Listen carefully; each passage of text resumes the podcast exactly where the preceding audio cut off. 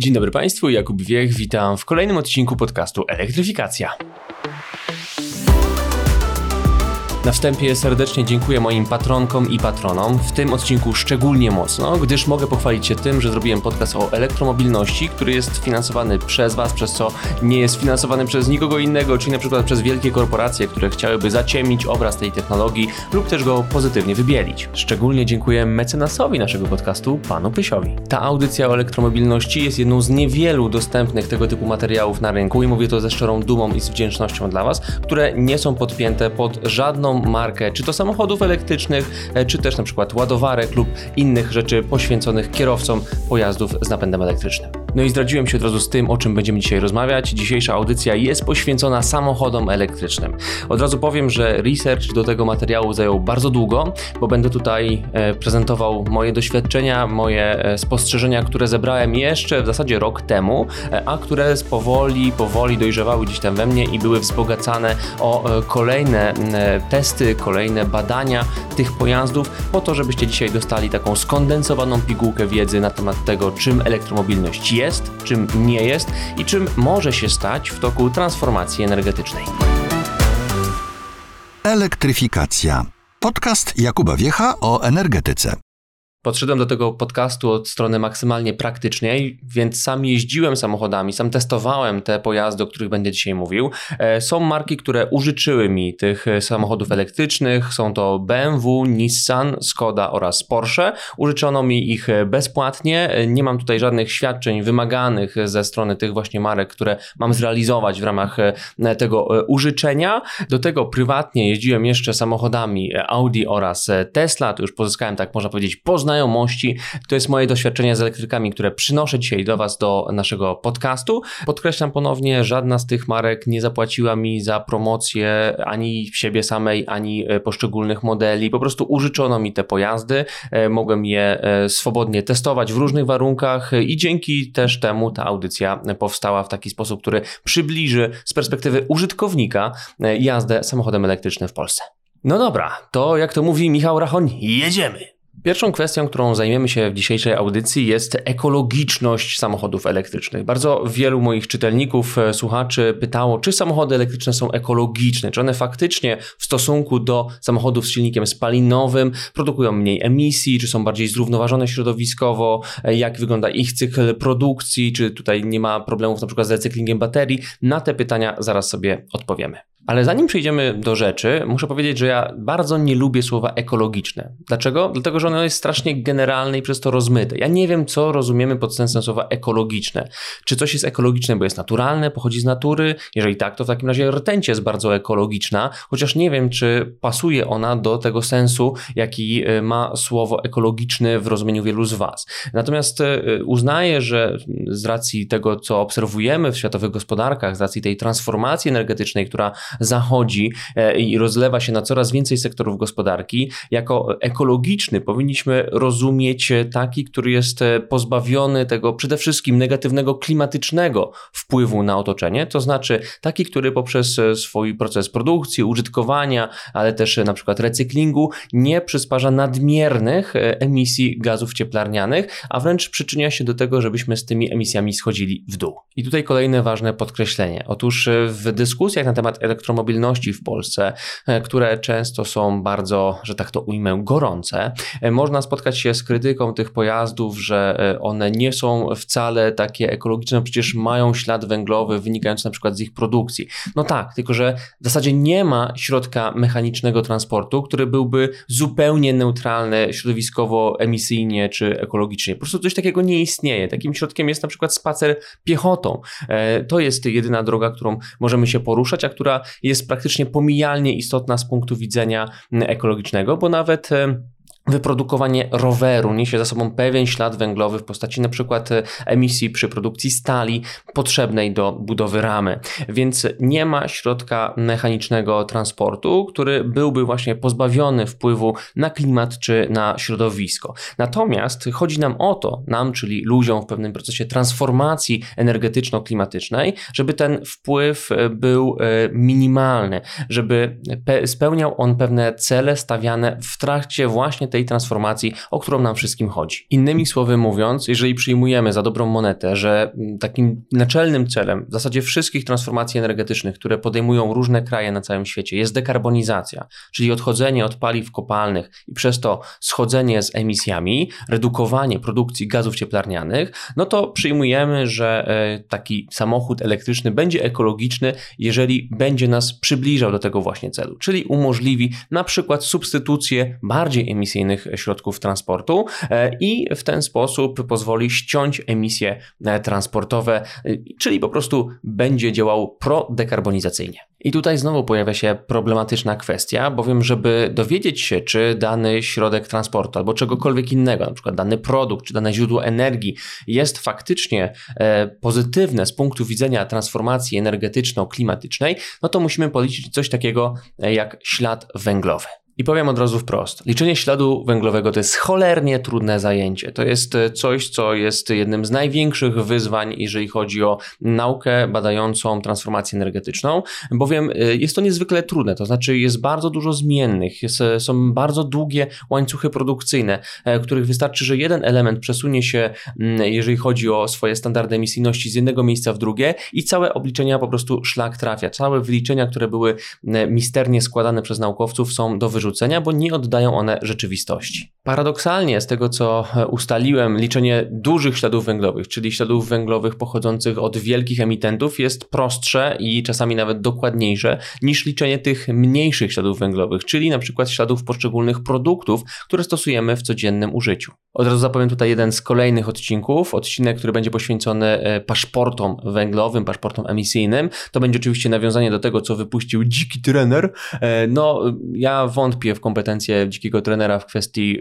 liczenia śladu węglowego, czy nawet w ogóle mówienia o śladzie węglowym, skoro ten człowiek musiał czytać z kartki, co to jest. Natomiast e, chciałbym to tylko zasygnalizować, że o tym szerzej opowiem jeszcze w kolejnych odcinkach elektryfikacji. Natomiast teraz przejdę już do tego, jak e, ma się produkcja i używanie samochodów elektrycznych do emisji gazów cieplarnianych. Szukając odpowiedzi na to, jak bardzo samochody elektryczne przyczyniają się do emisji poszczególnych gazów cieplarnianych, natknąłem się na wyliczenia amerykańskiej EPA, czyli Agencji Ochrony Środowiska. Ona przedstawiła na swoich e, stronach takie porównanie emisji samochodów benzynowych i elektrycznych, e, opierając się o. Tak model GREET, czyli Greenhouse Gases Regulated Emissions and Energy Use in Technologies. To jest taki model, który jest dosyć dobrą recenzją tego, e, ile dany produkt faktycznie e, generuje emisji w czasie swojej produkcji, swojej żywotności e, oraz e, swojego recyklingu lub zezłomowania. EPA stawia sprawę dosyć prosto. Moim zdaniem za prosto, dlaczego o tym zaraz powiem, natomiast jej podstawowe wyliczenia są dosyć poprawne. Mianowicie EPA wskazuje, że samochód z napędem benzynowym emituje 370 gramów gazów cieplarnianych na przejechaną milę, a samochód w pełni elektryczny to jest emisja około 170 gramów gazów cieplarnianych na na milę. Różnica jest zauważalna, natomiast trzeba tutaj dodać jedno wielkie ale. EPA oparła swoje wyliczenia na gruncie amerykańskim, to znaczy wzięła do obliczeń na przykład to, jak bardzo emisyjny jest amerykański miks energetyczny, co nie pozwala przeszczepić jeden do jednego tych właśnie ustaleń, chociażby na grunt polski, bowiem Polska ma zupełnie inny miks wytwórczy, jeżeli chodzi o elektroenergetykę. W Polsce węgiel zajmuje e, aż 70% miksu generacyjnego, podczas gdy Stanach Zjednoczonych niecałe 25%. Tak więc wyliczenia EPA są bardziej prawdziwe dla elektryków amerykańskich niż dla polskich. Co ciekawe, agencja ta umieściła na swoich stronach e, kalkulator, który może Wam pokazać bardzo dokładnie, jakie są emisje e, Waszego pojazdu elektrycznego, e, oczywiście o ile jeździ w danym stanie USA. Wystarczy wpisać rok produkcji tego samochodu, wybrać jego model oraz dokładne miejsce w Stanach Zjednoczonych, gdzie jest używany i otrzymacie dosyć dobrze pokazaną listę emisji, które produkujecie w trakcie życia swojego pojazdu. Natomiast znowu, to są emisje liczone dla elektryków amerykańskich. One nie będą miały zastosowania do elektryków polskich. Co zatem możemy w tej sytuacji zrobić? Ano tutaj w sukurs przychodzi agencja Reutera, która również użyła modelu GRID, żeby policzyć emisje z elektryków już w różnych miejscach na świecie. Reuters zauważył, że kluczową kwestią przy analizie emisji z samochodów elektrycznych jest to, jaką energią te samochody są ładowane. To jest czynnik, który najbardziej się liczy w określaniu emisji elektroaut. Żeby pokazać, jak bardzo ważna jest energia w liczeniu całościowych emisji samochodów elektrycznych, e, oprę się jeszcze raz na ustaleniach EPA, e, która e, podała procentowe wymiary tego, z jakich substratów składa się ostateczny ślad węglowy samochodu elektrycznego. W wyliczeniach EPA aż 65% emisji samochodów elektrycznych to emisje związane z dostarczeniem paliwa, czyli w tym przypadku po prostu elektryczności. 17% to emisje z produkcji tych pojazdów, a 18% z produkcji baterii. Dla porównania, w przypadku samochodów z napędem benzynowym 74% emisji to emisje użytkowe, czyli już emisje pochodzące ze spalania paliwa. 17% to emisje wynikające z konieczności dostarczenia tego paliwa, czyli przykład wydobycia ropy albo późniejszej rafinacji. Natomiast 9% to emisje związane z wytworzeniem, czyli z produkcją samochodów benzynowych oraz z ich zezłomowaniem. No i teraz wróćmy do wyliczeń Reutersa. Otóż Reuters przyjął sobie pewien wskaźnik, to znaczy zaczął liczyć, ile kilometrów musi przejechać samochód elektryczny, żeby być bardziej przyjazny środowisku i klimatowi niż taki wyznacznik, jakim była w tych testach Toyota Corolla. Jak wyliczyli analitycy agencji, Tesla Model 3 uzyskuje taką przewagę emisyjną w stosunku do Toyoty Corolli po przejechanych 22 tysiącach kilometrów, pod warunkiem, że jest ona ładowana w Stanach Zjednoczonych. Znacznie lepiej sytuacja wygląda w Norwegii. Jak wyliczył Reuters, tam wystarczy tylko 13,5 tysiąca kilometrów, żeby Tesla trójka osiągnęła przewagę emisyjną nad Toyotą Corollą. W wyliczeniach Reutersa jest też Polska. Nasz kraj pojawił się jako worst case scenario, czyli scenariusz najgorszy z możliwych. Reuters zwróci tutaj uwagę, że Polska jest strasznie uwęglowionym krajem. W naszym miksie energetycznym, jak wspomniano, 70% energii pochodzi z węgla. Ile zatem trzeba w Polsce przejechać elektrykiem, żeby był on bardziej przyjazny środowisku i klimatowi niż samochód spalinowy? No, ten szacunek może zwalić z nóg, bo żeby tak zrobić, trzeba przebyć aż 126 tysięcy kilometrów. I tutaj bardzo dobrze, jak w soczewce widzimy, jak ważny jest miks energetyczny kraju, w którym elektryk jeździ, na to, czy ten elektryk faktycznie jest eco-friendly, czy nie jest. W krajach uwęglowionych, jeżeli chodzi o miks generacyjny, czyli takich jak Polska, no elektryki może nie to, że mijają się z celem, ale ich y, ten przyjazny wpływ na emisję jest znacznie wolniejszy niż w krajach takich jak Norwegia czy nawet Stany Zjednoczone. Oczywiście to nie jest wada samych elektryków, to jest wada na przykład takich państw jak Polska, które po prostu mają zapóźnienia w realizacji transformacji energetycznej. To jest temat, który bardzo często jest poruszany na falach tego podcastu i myślę, że będzie on e, ciągle powracającą kwestią, bo Niestety bardzo mało jest takich optymistycznych jaskółek nadziei na to, że to się szybko zmieni. Natomiast im dłużej będziemy siedzieć w węglu, tym mniejsze y, szanse czy nadzieje ma rozwój takiej prawdziwie eco-friendly elektromobilności nad Wisłą. Ale jak wspomniałem, to nie znaczy, że samochody elektryczne nie mają w Polsce racji bytu. Nie, wręcz przeciwnie, one cały czas są bardziej przyjazną klimatowi alternatywą względem aut z silnikami spalinowymi. I tutaj mogę się wesprzeć wyliczeniami organizacji Transport and Environment, która przedstawiła dane w tym zakresie, w zakresie właśnie porównawczym, jeżeli chodzi o cykl życia poszczególnych e, samochodów, czy to z napędem spalinowym, czy elektrycznym, i te dane są korzystne na rzecz elektryków. W tych wliczeniach Polska również pojawiła się jako najgorsza z możliwych opcji, więc są to dane szczególnie dla nas bardzo interesujące. Przyjęto w tych wliczeniach, że dystansem pokonywanym przez pojazd elektryczny w czasie jego żywotności jest odległość około 225 tysięcy kilometrów. Transport and Environment przyjęło, że najgorszym takim scenariuszem emisyjnym dla elektroauta jest wyprodukowanie baterii w Chinach i ładowanie pojazdu w Polsce podczas jazdy na takim właśnie dystansie, czyli na odległości 225 tysięcy kilometrów. Przejechanie takiej odległości przez samochód elektryczny, którego bateria została wyprodukowana w Chinach, a on sam jeździ na polskiej energii, e, będzie kosztować emisję 41 ton dwutlenku węgla. Jest to mniej niż emisja e, samochodu z silnikiem diesla, który miałby pokonać taką samą odległość. Ona wynosi 52,6 tony. Jest to także mniej niż emisja samochodu benzynowego. On emituje podczas przejeżdżania 225 tysięcy kilometrów aż 57 ton. Oznacza to, że nawet w tym najgorszym, he, polskim scenariuszu elektryk będzie produkował mniej emisji gazów cieplarnianych od samochodów spalinowych. Odpowiednio jest to 22% mniej emisji niż diesel i 28% mniej emisji niż samochód benzynowy. No a są przecież też e, te najlepsze scenariusze.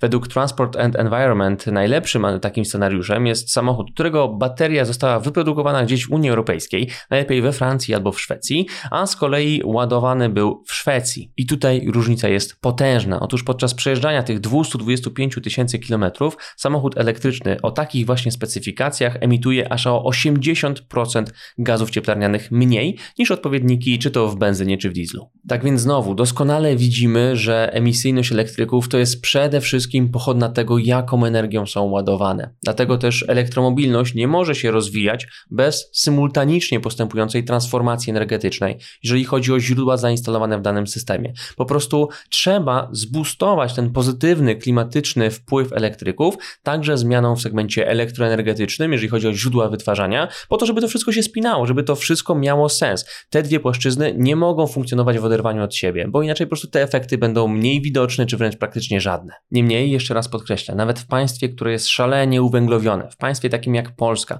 przy założeniu, że produkcja baterii odbywałaby się też w bardzo mocno uwęglowionym państwie, w Chinach, takie pojazdy jak samochody elektryczne również mają swój ekologiczny sens. One dalej potrafią zmniejszyć tę emisję w porównaniu do odpowiedników z silnikiem spalinowym, więc no pasują do tej transformacji energetycznej, chociaż oczywiście można ten efekt znacznie zwiększyć, po prostu dokonując zmian w sektorze elektroenergetycznym. Natomiast warto pamiętać, że emisje gazów cieplarnianych to nie są jedyne emisje, które generowane są podczas jazdy samochodem. Mowa tutaj również o emisji pewnych szkodliwych związków ze spalania paliw kopalnych, a także o podnoszeniu się pyłów, czy to z ulicy, pyłów takich drogowych, czy też ze ścierania opon czy klocków hamulcowych. To wszystko wchodzi w skład tak zwanej niskiej emisji, która przyczynia się do powstawania zanieczyszczeń powietrza, czy też zjawiska zwanego smogiem. Tutaj samochody elektryczne są tylko częściową odpowiedzią. Owszem, one nie spalają podczas jazdy paliw kopalnych, nie zachodzi tam proces spalania i emisja szkodliwych związków, ale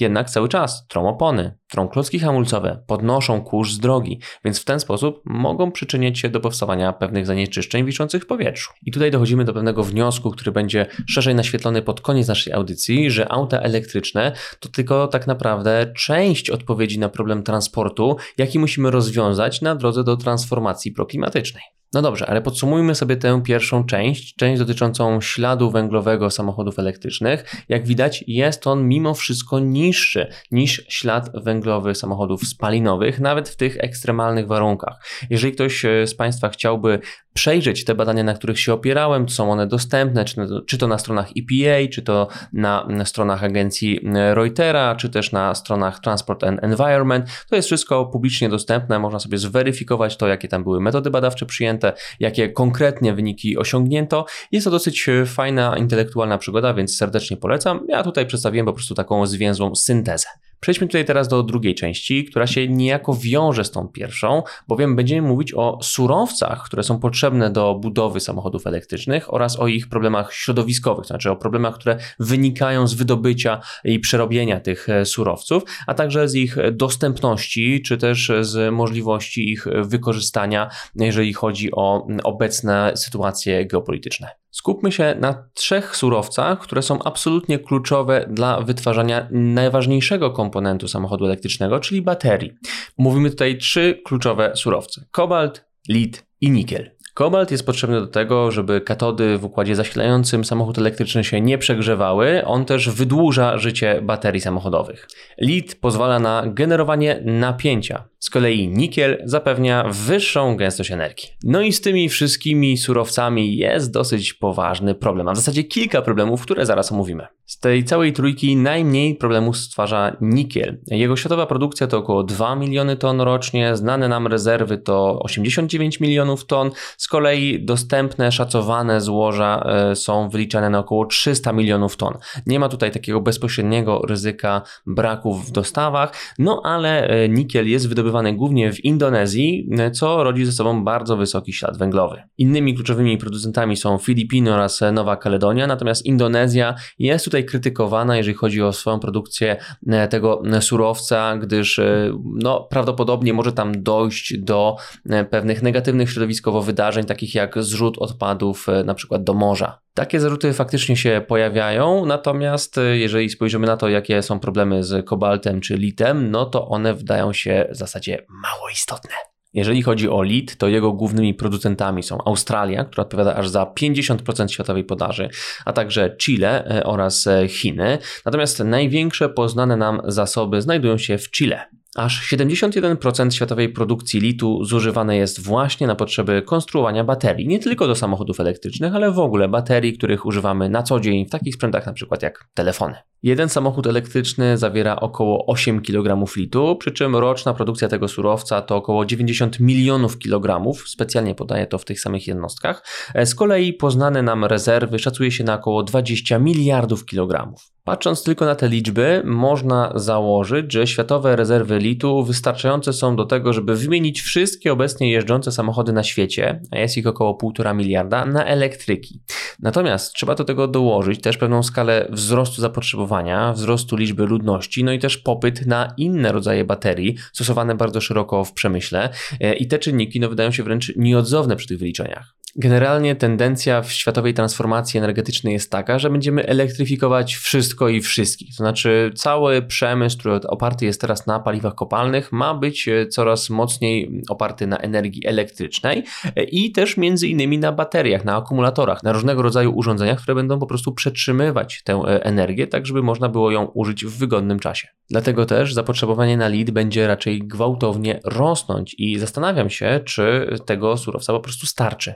Bowiem, jak sobie wyliczaliśmy właśnie wcześniej, oczywiście tych poznanych rezerw wystarczyłoby na zamianę wszystkich samochodów na elektryki, natomiast no, umówmy się, nie całość tej produkcji litu może pójść tylko na samochody elektryczne. Musi zostać też e, trochę surowca, na przykład do tego, żebyśmy mieli nowe telefony, albo laptopy, albo smartwatche, albo tablety, albo kurka cokolwiek, co posiada baterię. Pewnym rozwiązaniem może być tutaj recykling, czyli po prostu wyciąganie litu z już zużytych baterii.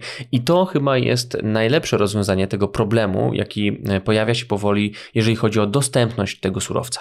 Natomiast najwięcej problemów stwarza kobalt. I tutaj trudności zaczynają się już w zasadzie od samego wydobycia. Za 70% światowej produkcji kobaltu odpowiada jeden kraj Demokratyczna Republika Konga. Kraj mało stabilny politycznie e, i też z pewnymi problemami wewnętrznymi, takimi jak praca dzieci. Niestety to właśnie w tym państwie znajduje się też aż 50% udokumentowanych światowych zasobów kobaltu. I te zasoby są wydobywane m.in. właśnie przez dzieci. Według wyliczeń organizacji humanitarnych z 255 tysięcy górników, którzy zajmują się wydobyciem kobaltu w Demokratycznej Republice Konga, aż 40 tysięcy to dzieci. Jest to bardzo poważny problem humanitarny. Tym poważniejszy, że mało raczej mamy na razie możliwości nacisku na Demokratyczną Republikę Konga. Ale to nie koniec problemów z tym surowcem. Jak się bowiem okazuje, już wkrótce może nas czekać kryzys dostępności kobaltu na rynku. Świadczy o tym opublikowany w Nature w 2022 roku artykuł pod tytułem Battery Technology and Recycling Alone Will Not Save the Electric Mobility Transition from Future Cobalt Shortages. W wolnym tłumaczeniu na polski szykujta się na kryzys kobaltowy. Artykuł ten przeanalizował 7 scenariuszy i w każdym z nich, nawet tym najbardziej optymistycznym, pod koniec bieżącej dekady występowały pewne ograniczenia w możliwości dostaw kobaltu na światowym rynku. Co więcej, w przeciwieństwie do litu, tutaj recykling nie stanowi drogi do tego, żeby tych e, zaburzeń uniknąć, tylko co najwyżej może je złagodzić. Kryzys spodziewany jest na lata 2028-2033 i to jak bardzo będzie dotkliwy zależy od tempa wzrostu zapotrzebowania na ten surowiec. Jednakże tutaj pojawia się pewna nadzieja. Naukowcy, którzy opublikowali ten artykuł, zwracają uwagę, że już teraz rozpoczęto bardzo poważne prace wdrożeniowe nad obniżeniem zawartości kobaltu w bateriach, a nawet nad bateriami cobalt free, czyli po prostu nie zawierającymi tego surowca. Niestety ich komercyjne upowszechnienie spodziewane jest dopiero gdzieś tam na lata 30 tego wieku. Oznacza to, że też nie pomoże nam to uniknąć tego kryzysu w dostawach. Oznacza to, że lata 2028-2033 mogą być kluczowe dla rozwoju elektromobilności. Jest to o tyle interesujące, że przecież w roku 2035 Unia Europejska ma wprowadzić zakaz rejestracji nowych samochodów z silnikami spalinowymi, co być może doprowadzi do wzrostu popytu na auta elektryczne. No ale właśnie, być może, bo skoro podaż kobaltu będzie zagrożona, to i produkcja samochodów elektrycznych też będzie zagrożona, więc ich dostępność na rynku również będzie zagrożona. Czy to może storpedować te unijne plany transportowe? No, nie można tego wykluczyć, jakby to powiedział Bogusław Wołoszański. No i jest też jeszcze kwestia humanitarna, kwestia pracy dzieci w kopalniach kobaltu. Kopalniach, które często po prostu przypominają zwykłe doły, bowiem złoża w Demokratycznej Republice Konga są położone dosyć płytko. Dlatego między innymi właśnie tak dużo dzieci może tam pracować. Przeglądałem bardzo wiele dyskusji na ten temat i spotykałem różne argumenty. Jedne były naprawdę moim zdaniem godne potępienia, jak na przykład wysuwane twierdzenia, że no ale przecież te dzieci zarabiają na siebie, więc dajmy im pracować. No nie, taka praca dzieci w żadnym miejscu na świecie nie powinna być dozwolona. Jest to urągające ludzkiej godności i przede wszystkim zagrażające życiu oraz zdrowiu tych ludzi. Innym argumentem było, że hej, skoro przeszkadza wam kobalt wydobywany przez dzieci, to dlaczego nie przeszkadza wam ropa wydobywana przez krwiożerczych dyktatorów takich jak Władimir Putin? Hej, no ta ropa też mi przeszkadza, a poza tym to jest whataboutism, więc przerzucanie jakby akcentów na po prostu inny problem, ale nie rozwiązywanie merytoryczne tego, został zasygnalizowany. Więc nie, rozwiązaniem problemu kobaltu wydobywanego w Afryce nie jest to, że Władimir Putin, który odpowiada za bardzo dużą część dostaw ropy do Unii Europejskiej, napadł na Ukrainę, czy też, że szejkowie, którzy przesyłają ten surowiec na stary kontynent, również mają swoje za uszami. Powinniśmy się skupić na tym, żeby rozwiązać problem pracy dzieci w kongijskich kopalniach kobaltu. Niestety tutaj trochę wchodzimy w pewną strukturę relacji geopolitycznych, bowiem problem z kobaltem z Konga był sygnalizowany już wielokrotnie, natomiast często był zbywany między innymi pod lekkim takim suflowaniem przez Chiny narracji, że no przecież jeżeli Kongo przestanie nagle dostarczać ten surowiec na rynki, no to się okaże, że nie można już produkować nowych iPhone'ów, czy laptopów, czy innych sprzętów, które są tak powszechnie używane, ale też tak powszechnie pożądane. Tak więc no, problem jest naprawdę złożony, no bo przecież faktycznie trudno nie zauważyć, że kobalt jest wykorzystywany nie tylko w elektrykach. Natomiast e, dużą nadzieję pokładam tutaj w realizacji właśnie tych założeń technologii Cobalt Free i po prostu uwolnienia nas od tego problemu poprzez e, likwidację tego surowca w użyciu. No ale do lat 30. jeszcze trochę czasu zostało i powinniśmy coś robić w tym tak zwanym międzyczasie. Czy jesteśmy w stanie nacisnąć na Demokratyczną Republikę Konga, żeby faktycznie była bardziej demokratyczna?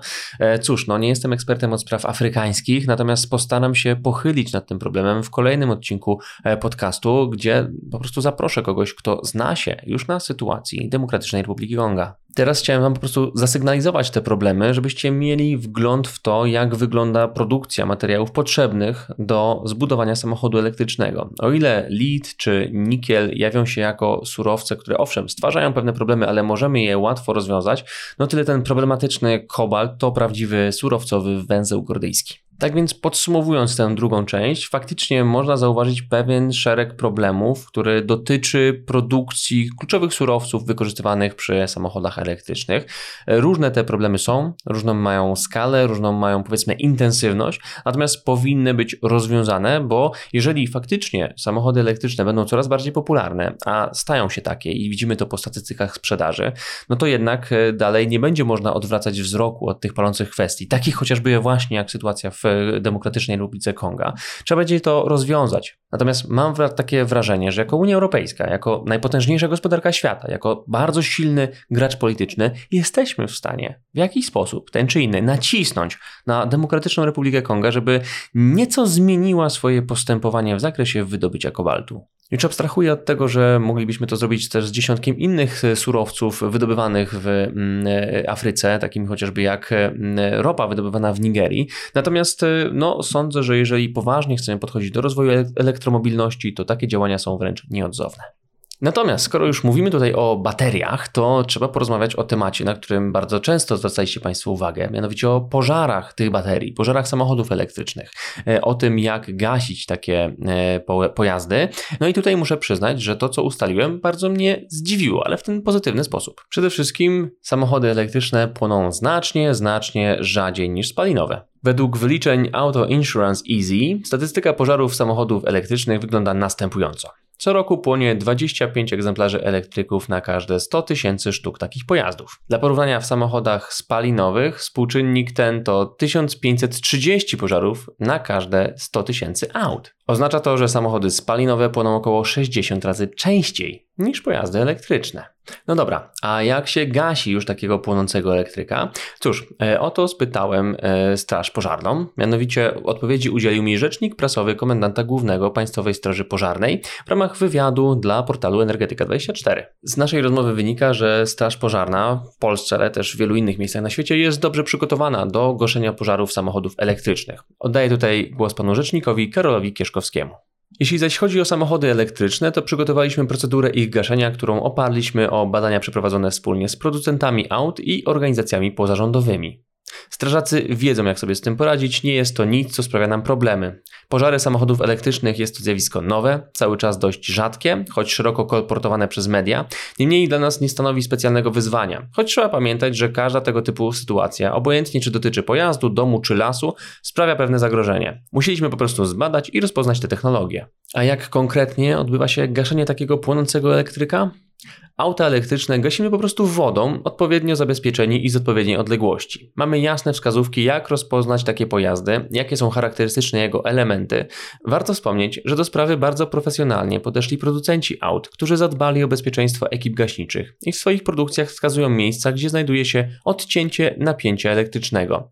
Co ciekawe, jeden z producentów wymyślił też wejście dla węża gaśniczego do komory baterii, co umożliwia zalanie ogniw i zabezpieczenie sytuacji.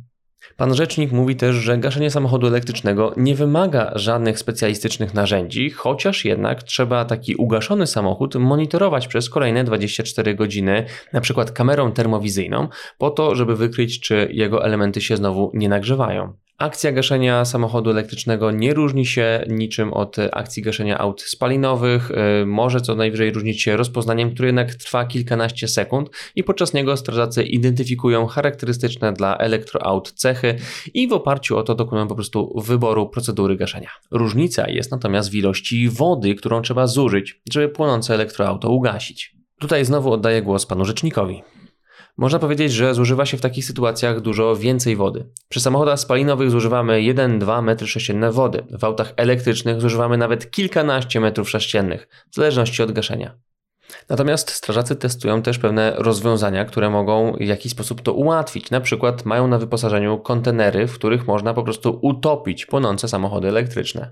Rozważane jest też zastępowanie wody na przykład gazem, chociażby azotem, który jest po prostu neutralny dla środowiska. Pytałem też pana rzecznika o możliwości gaszenia płonących samochodów elektrycznych w takich miejscach jak chociażby garaże czy parkingi podziemne. No i tutaj usłyszałem, że faktycznie takie scenariusze są najtrudniejsze. To ze względu na to, że w tych miejscach po prostu powstaje bardzo dużo dymu, co niezwykle utrudnia akcję i bardzo wtedy trudno zlokalizować taki płonący samochód. Żeby obniżyć szanse na wystąpienie tego typu sytuacji, wprowadzono przepis, który mówi, że w garażach czy parkingach podziemnych przyłącza do załadowania samochodów elektrycznych muszą być wykonane w odpowiedniej klasie z podwyższonymi normami. Niemniej, jak podkreślił pan rzecznik, straż szkoli się do tego typu akcji. Co ważne, no one mogą być spowodowane przecież nie tylko pożarem samochodu elektrycznego, ale także samochodu spalinowego.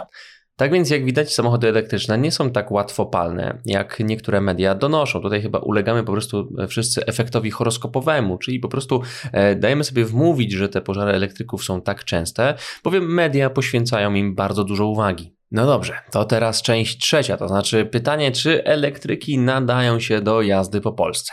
I tutaj będę mówił z perspektywy kierowcy, który przejeździł faktycznie w Polsce elektrykami kilka tysięcy kilometrów.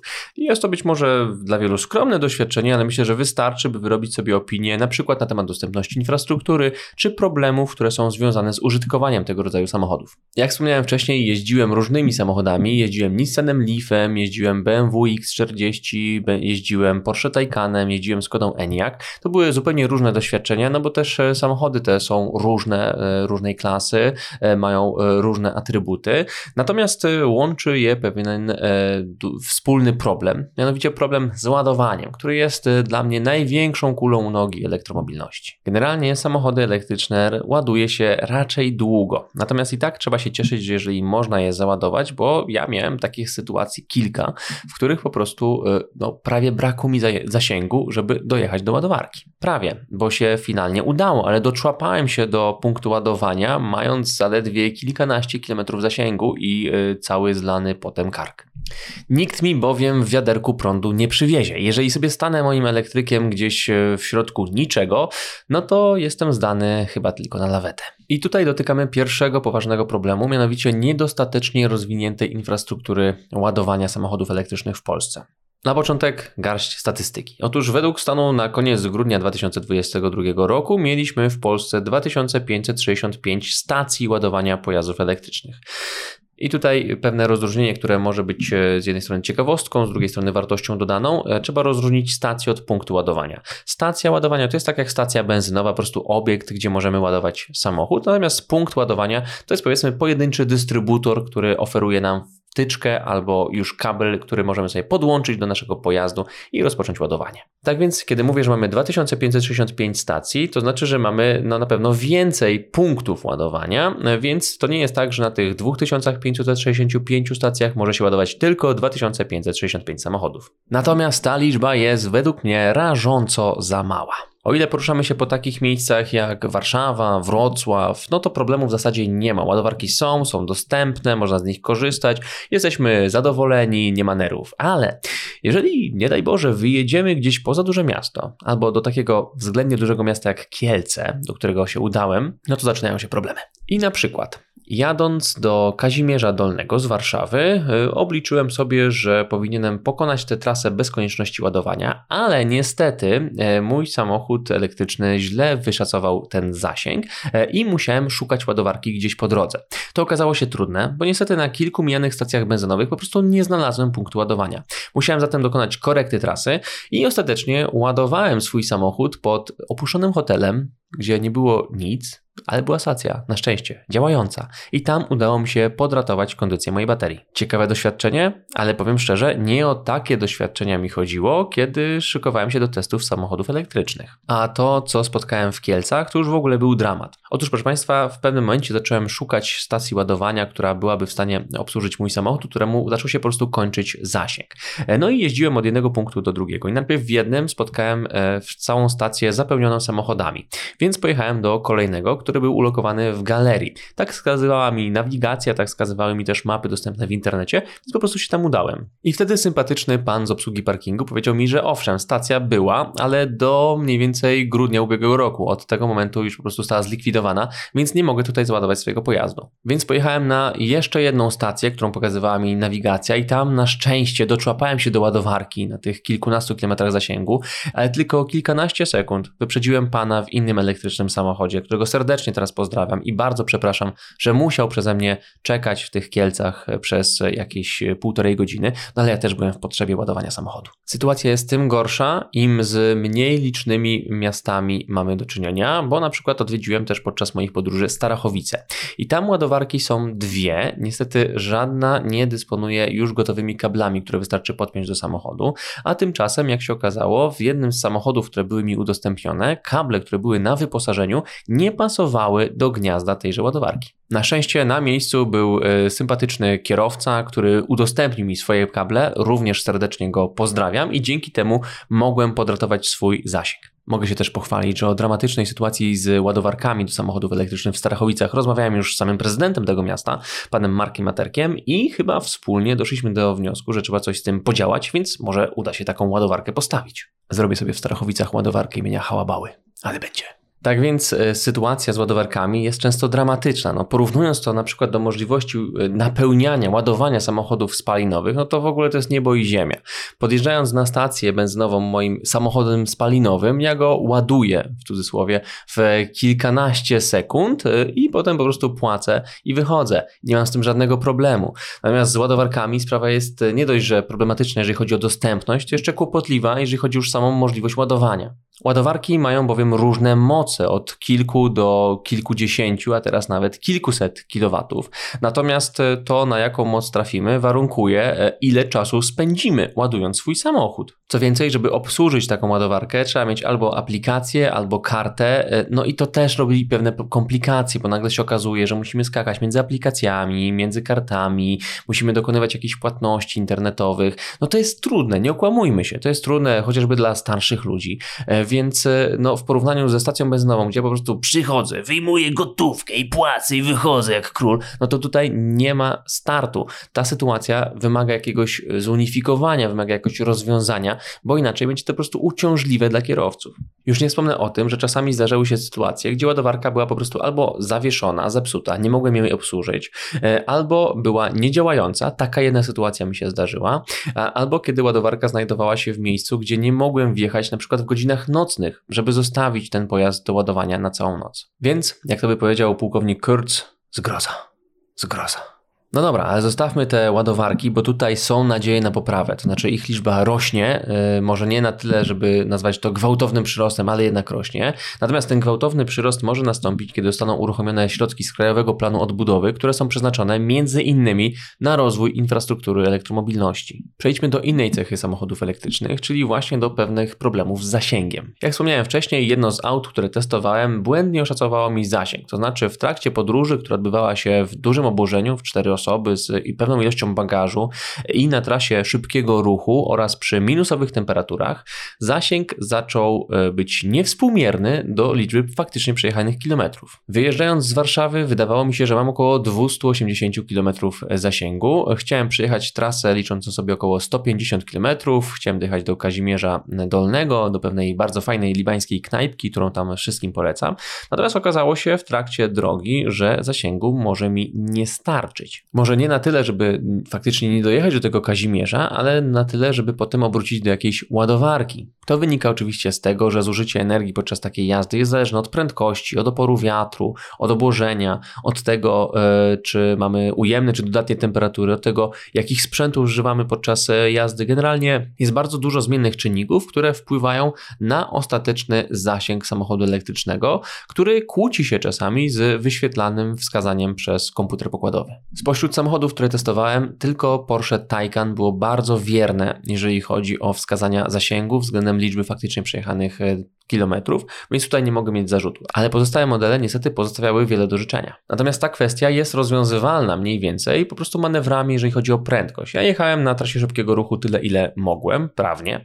Natomiast gdybym ograniczył tę prędkość poniżej dopuszczalnych poziomów, to myślę, że ten zasięg byłby po prostu dłuższy. Samochody elektryczne oferują też najczęściej specyficzne ustawienia jazdy, które mogą zasięg przedłużyć. To jest po prostu e, ustawienie tak zwane eco mode, gdzie to eco to nie jest ekologiczny, tylko ekonomiczny i to faktycznie umożliwia rozciągnięcie tego zasięgu, który możemy przejechać na danym wypełnieniu baterii. Natomiast po pierwsze, to nam trochę odbiera komfort z jazdy, a po drugie, to nam też czasami odbiera moc. To znaczy, te ustawienia jazdy ograniczają nam maksymalną prędkość. Oczywiście jest to ustawienie dostosowane do maksymalnej prędkości, którą możemy osiągać w danym miejscu, ewentualnie jakieś sztywne ustalenie. Natomiast mogę sobie wyobrazić sytuacje, ekstremalne sytuacje na drodze, które wymagałyby użycia znacznie większej prędkości niż dopuszczalna, po to, żeby na przykład ratować się przed kolizją.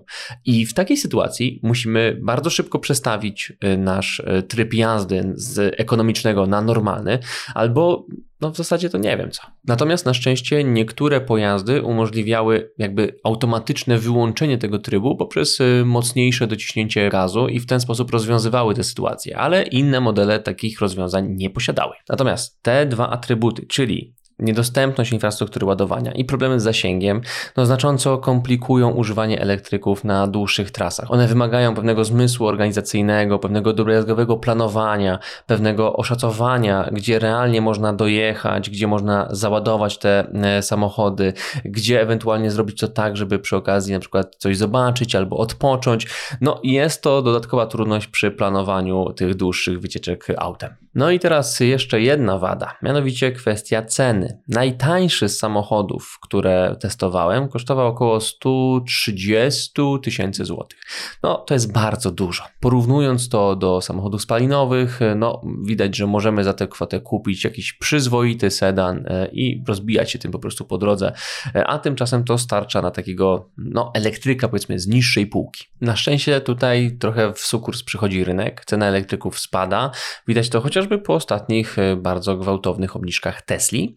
E, które zaskoczyły też wielu konsumentów, więc można mieć nadzieję, iż w pewnej perspektywie faktycznie te auta będą bardziej dostępne. Jeżeli spojrzymy na rynek z ostatnich 15 lat, to widzimy, że elektryki naprawdę już teraz znacząco obniżyły swoje ceny. Oczywiście one są cały czas na względnie wysokim z punktu widzenia większości polskiego społeczeństwa poziomie, ale jednak ten spadek jest widzialny. I o ile te 15 lat temu elektryk był naprawdę drogą fanaberią dla najbogatszych, tak teraz można powiedzieć, że staje się autem rozważanym już przez klasę średnią. A rozwój infrastruktury elektromobilności, całego przemysłu związanego z tą branżą może ten spadek cen jeszcze bardziej napędzić. No dobra, ale teraz porozmawiamy o plusach tych samochodów. Przede wszystkim są to doskonałe, idealne wręcz pojazdy do jazdy po mieście. Naprawdę, nigdy w życiu tak przyjemnie nie jeździło mi się po miastach, nie tylko po Warszawie, ale też o, na przykład po Kielcach, jak używając samochodu elektrycznego. Od razu mam do dyspozycji całą moc silnika, mogę bardzo płynnie włączać się do ruchu, ruszać spod świateł, tak żeby nie tracić czasu,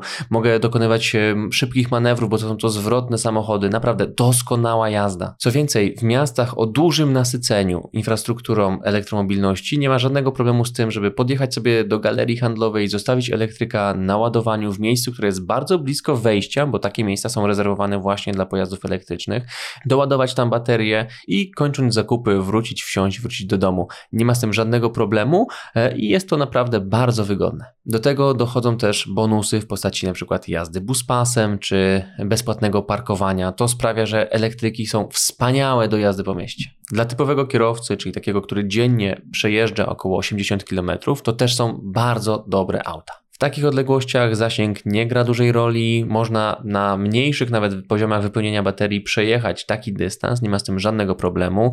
No a elektryki możemy też ładować w naszym domu, nie tylko z takiego normalnego gniazdka, co jest dosyć długie, ale też dzięki ładowarkom, które możemy kupić za kilka tysięcy złotych i zamontować sobie w domu w instalacji elektrycznej. No i właśnie, jak ktoś ma dom wolno stojący, to elektryk naprawdę jest dla niego fantastycznym wyborem. To znaczy to auto można sobie ładować wieczorem, kiedy się przyjdzie z pracy, z uczelni, zostawia się w garażu wpięte do ładowania i rano cieszyć się pełnym zasięgiem. Także to też jest dobry wybór, a jeżeli się to jeszcze pożeni, na przykład z instalacją fotowoltaiczną, no to już w ogóle wychodzi luksus, bo jedziemy prawie za darmo. Tutaj jeszcze warto dodać, że same ładowarki to jest jedna sprawa, ale takie nawet przydomowe punkty ładowania mogą być problemem dla ludzi mieszkających na przykład w blokach czy w kamienicach. W polskich miastach mamy problemy z parkowaniem naszych samochodów w okolicach naszego miejsca zamieszkania, to jest bardzo popularne.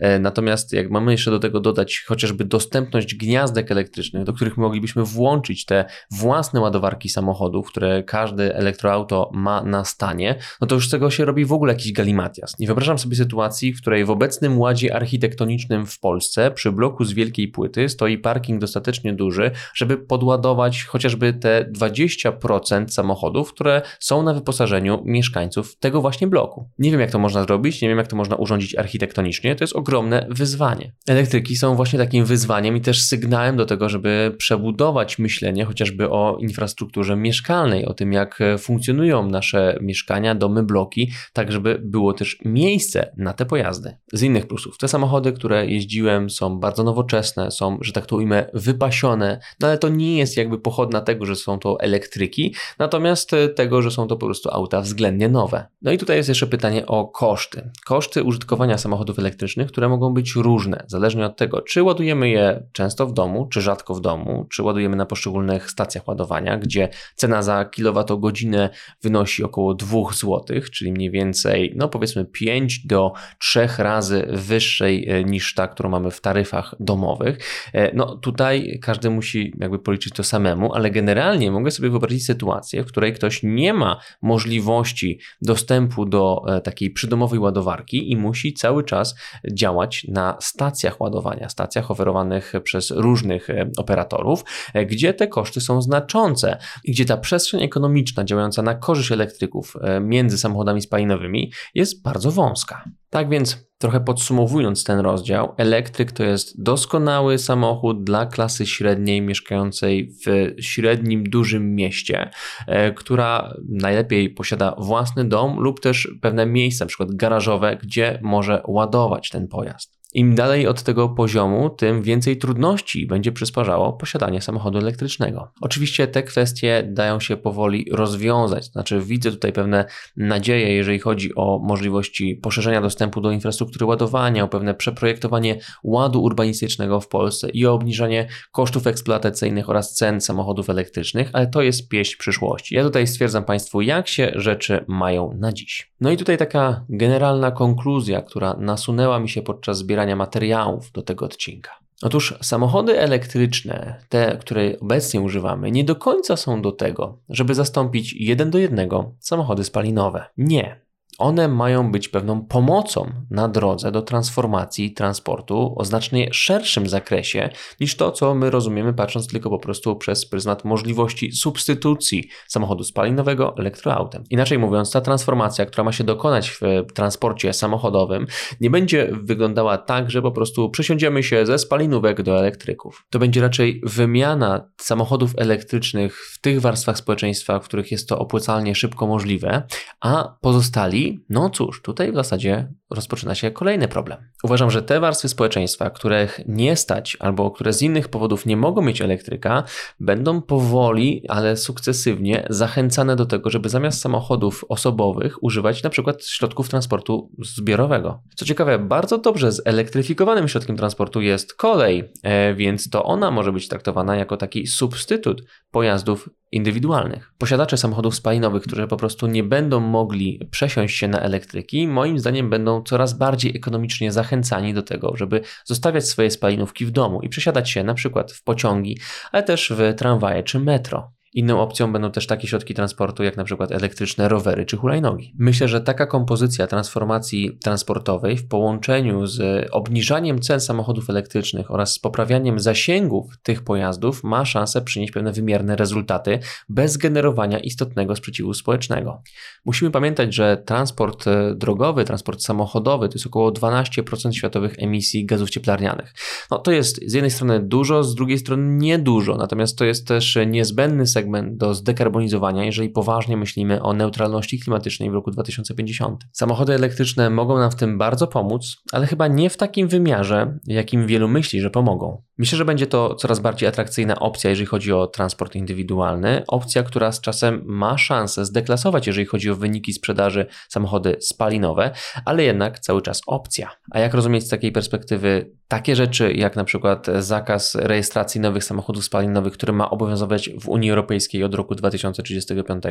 Cóż, abstrahując już od problemów, które wymieniliśmy wcześniej, na przykład z dostępnością kobaltu, warto zauważyć, że ten zakaz to nie jest zakaz używania samochodów spalinowych, spalinowych, tylko rejestrowania nowych. Oznacza to, że dotychczas zgromadzona flota spalinowa po prostu zostanie. Ona może podlegać pewnym innym regulacjom, takim jak na przykład tworzenie stref e, czystego transportu, czy pewne dociążenia finansowe, ale te samochody dalej będą mogły być używane. Myślę, że wtedy zacznie się po prostu tworzenie kolejnych zachęt do tego, by przesiadać się na elektryki lub inne formy transportu. Można też rozważyć możliwości kompensacji tych emisji, które będą wydalane przez samochody spalinowe. Transformacja transportowa to jest z jednej strony bardzo wrażliwy, kruchy balans między takimi kwestiami jak wątki klimatyczne, wątki walki z globalnym ociepleniem, a z drugiej strony wątki na przykład wykluczenia transportowego, czy umożliwienia rozwoju ludziom, dla których samochód jest podstawą codziennej działalności. Natomiast warto, żebyśmy zapamiętali, że elektromobilność w tym rozumieniu samochodowym to jest tylko część rozwiązania, a nie całość rozwiązania problemów z emisjami z transportu.